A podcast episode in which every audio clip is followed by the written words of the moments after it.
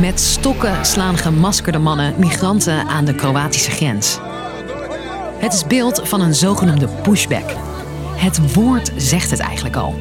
Migranten worden letterlijk terug over de grens geduwd. Vaak met geweld en soms zelfs met een dodelijke afloop. En die pushbacks gebeuren niet alleen in Kroatië. Pushed back to Belarus eight times. Maar aan bijna alle randen van Europa. Wat is de rol van Nederland hierin?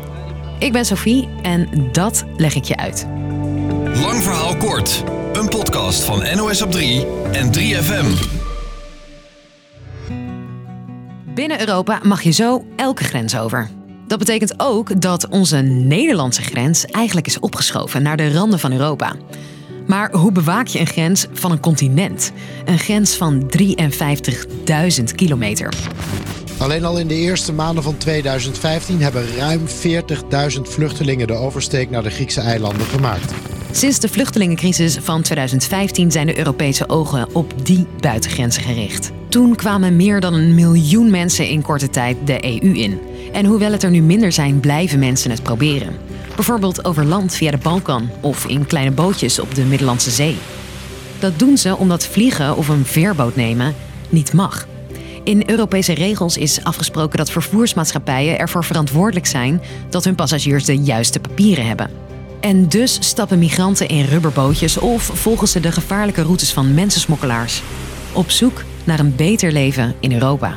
En dan kunnen ze grensbewakers tegenkomen van het desbetreffende land of bijvoorbeeld van het grens- en kustagentschap Frontex, de club die namens de EU de grenzen van Europa bewaakt.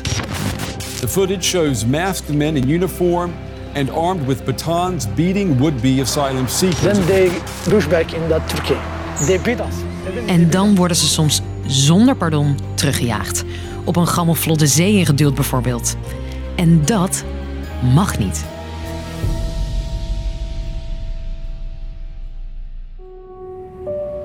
Migranten terugduwen aan de grens van Europa is namelijk verboden. Daar hebben we internationale afspraken over, vertelt deze advocaat. Een van de basisregels die we binnen de EU met elkaar hebben afgesproken is dat als iemand asiel vraagt aan de grens, dan heeft hij recht op een procedure waarin zorgvuldig wordt getoetst of die persoon daadwerkelijk recht heeft op asiel. En we hebben het VN-vluchtelingenverdrag. Daarin staat dat we als EU vluchtelingen nooit terugsturen naar een land waar ze gevaar lopen. En daarom is het terugduwen van migranten naar bijvoorbeeld Libië, waarvan we weten dat er mensen worden gemarteld, zo omstreden. Goed, dit is de papieren werkelijkheid. In de praktijk gaat het dus vaak anders. Vluchtelingen spreken van grof geweld door grensbewakers. Zoals deze Somalische vrouw. They were beating everyone.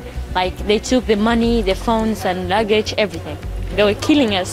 For sure. It's like they're beating an animal. Veel aankomstlanden zijn op hun beurt gefrustreerd. Ze zitten vaak niet op migranten te wachten. Opvangcentra in de grensregio's zitten overal overvol. Onder andere omdat de rest van de EU maar zo weinig migranten wil opnemen. Daarover kunnen ze het al een jaar niet eens worden en dus laten de lidstaten het maar zo.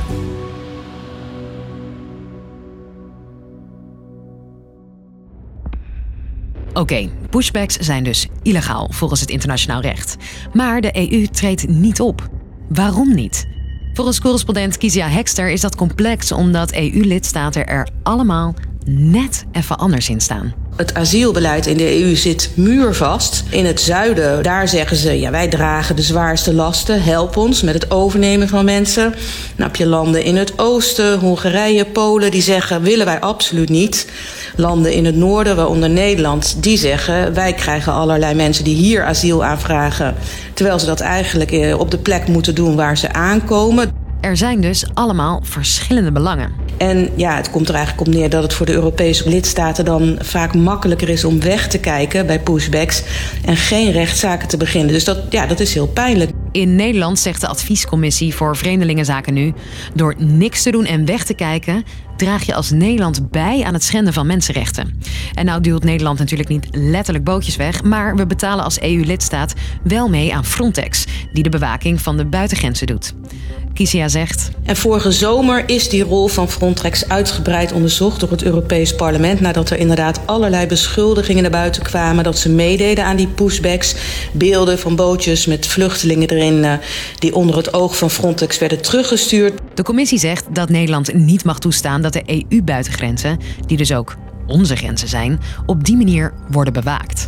En hoewel niet hard bewezen is dat Frontex zich schuldig maakt aan pushbacks. Bleek tegelijkertijd ook dat ze niet genoeg gedaan hadden om die te voorkomen.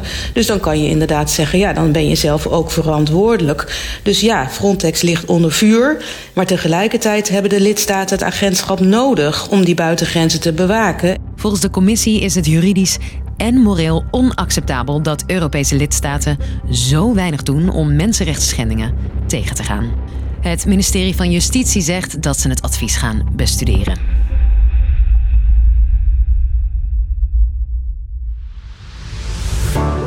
Dus, lang verhaal kort. Hoewel het illegaal is, vinden er aan de buitengrenzen van de EU gewelddadige pushbacks plaats. In de EU spelen zoveel verschillende belangen dat er niet tegen wordt opgetreden. Volgens sommigen betekent dat dat EU-lidstaten medeplichtig zijn aan mensenrechten schendingen. Morgen zijn we er weer met een nieuwe aflevering.